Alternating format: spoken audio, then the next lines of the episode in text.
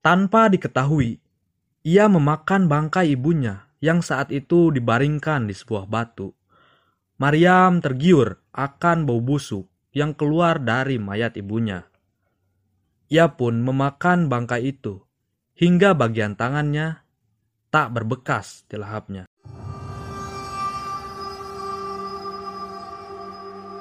Prambors Podcast. Halo, selamat datang di podcast Suka Horor. Kali ini gua bakal bacain cerita dari thread Twitter at cerita underscore setan yang berjudul Nini Mariam bareng gua, Dani. Di sebuah dusun, tinggal seorang nenek dalam kesendirian, tanpa teman, anak, serta sanak saudara. Nenek itu bernama Mariam, tapi warga sekitar dusun biasa memanggilnya dengan Nini Mariam atau Nini Iam.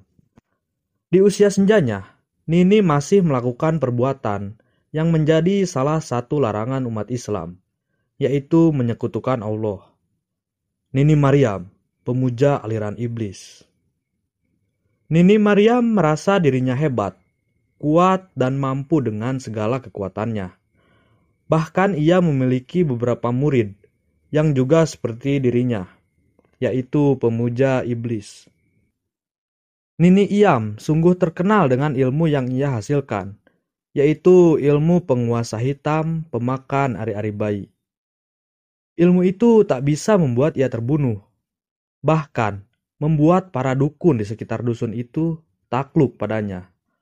Walaupun ia hanya seorang nenek-nenek tua. Di setiap malam Jumat Kliwon, Nini Iam selalu melakukan ritual memakan ari-ari bayi agar kekuatan ilmu hitam tak memakan dirinya. Begitulah syarat yang mengikat dari pemujaan iblis. Untuk mengetahui di mana ia harus mencuri ari-ari bayi, ia mengutus ekor cicak untuk mengetahui keberadaan orang yang sedang hamil. Cicak itu akan terus memantau sampai waktunya melahirkan. Dan saat akan melahirkan, Nini Iam akan membantu bahkan menjelma menjadi dukun untuk membantunya. Kehidupan sehari-hari Nini Iam layaknya seperti nenek pada umumnya. Ia melakukan kegiatan keladang, berbaur dengan para warga dusun. Sebenarnya, Nini Iam bukanlah penduduk asli dusun itu melainkan berasal dari alas purwo. Ia diusir dari alas purwo oleh penguasa alam gaib karena melanggar pantangan mereka. Nini Mariam adalah seorang anak dari hasil pernikahan Raja Genruwo dengan seorang gadis dari kalangan manusia. Jadi Nini Iam berdarah iblis Genruwo. Pantangan yang ia langgar dari kerajaan gaib yang ada di alas Purwo, yaitu memakan bangkai ibunya sendiri. Ibundanya, setelah menikah dengan Raja Gendrowo, ia hidup di alam goib dan meninggal saat melahirkan Maryam. Ayah Maryam tak menguburkan jenazah istrinya, karena ia akan membangkitkan kembali setelah seratus hari kematiannya. Namun, belum seratus harinya, Jenazah atau bangkai istrinya dimakan Maryam yang saat itu memang sedang masa pertumbuhan. Karena Maryam terlahir dari bangsa iblis, pertumbuhannya cukup pesat. Tanpa diketahui, ia memakan bangkai ibunya yang saat itu dibaringkan di sebuah batu. Maryam tergiur akan bau busuk yang keluar dari mayat ibunya. Ia pun memakan bangkai itu hingga bagian tangan kiri tak berbekas di lahapnya. Saat sedang menikmati, ayahnya menghampiri dan sangat murka. Anak sialan, kau bahkan dengan bodohnya makan ibumu sendiri. Pergi, tinggalkan kerajaanku, ucap Raja Gendrowo yang tak lain adalah ayahnya sendiri. Mariam yang saat itu masih kecil hanya menatap bingung dan menangis. Lalu datanglah seorang pengasuh kemudian membawa pergi Maryam meninggalkan kerajaan itu. Setelah meninggalkan kerajaan, Nini Maryam bersama pengasuh tinggal di sebuah kaki bukit hingga Maryam beranjak dewasa. Sifat iblis Maryam pun semakin menjadi-jadi, membuat pengasuhnya kewalahan mengikuti kemauannya yang harus memakan bangkai atau daging segar.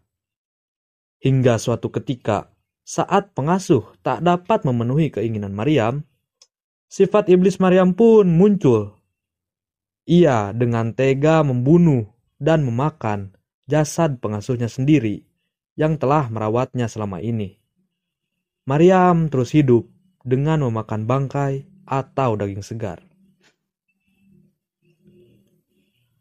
Suatu ketika, saat salah satu warga dusun, tempat di mana Maryam dan pengasuhnya tinggal, ada warga yang melahirkan.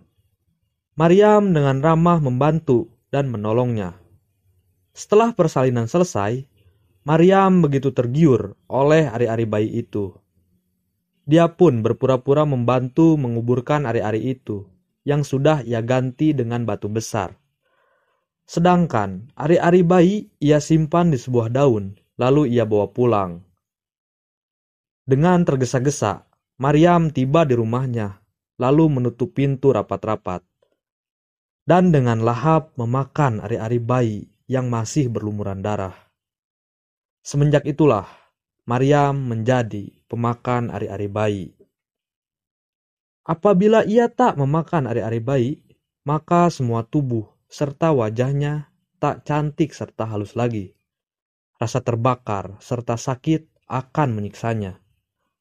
Pernah suatu ketika, Nini Maryam tak bisa makan Pernah suatu ketika, Nini Maryam tak bisa memakan ari-ari bayi.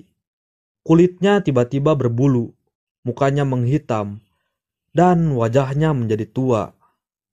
Ditambah lagi rasa sakit menyiksanya. Saat kondisi seperti itu, tak ada seorang pun yang mengetahuinya. Suara rintihan kes Suara rintihan kesakitan menghilang seketika.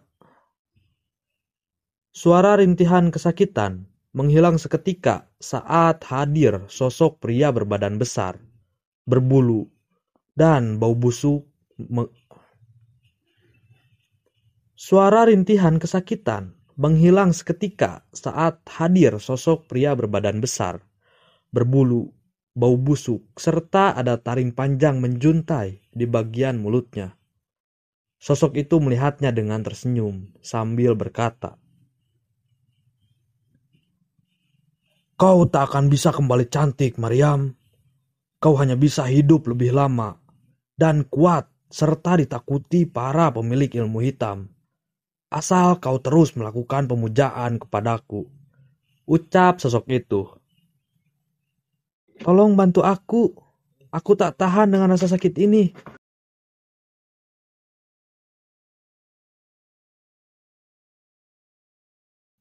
Apa pun akan kulakukan Asal rasa sakit ini hilang. Aku tak butuh wajah cantik. Aku hanya butuh kekuatan.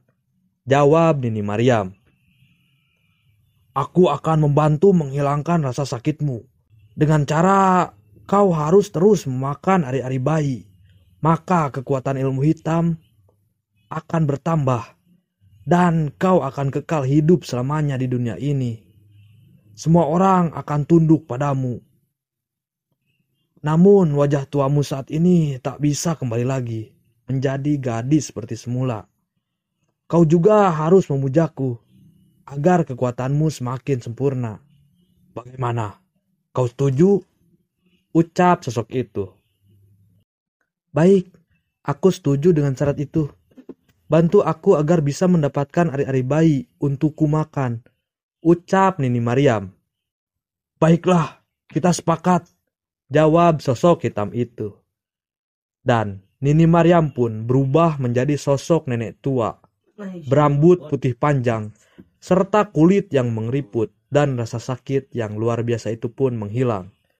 Bahkan ia merasa kuat dan hebat. Oke, di episode kali ini mungkin segitu aja. Gimana tuh tadi ceritanya? Cukup meneror kalian? Semoga aja ya. Oke, see you in the next episode. Bye-bye.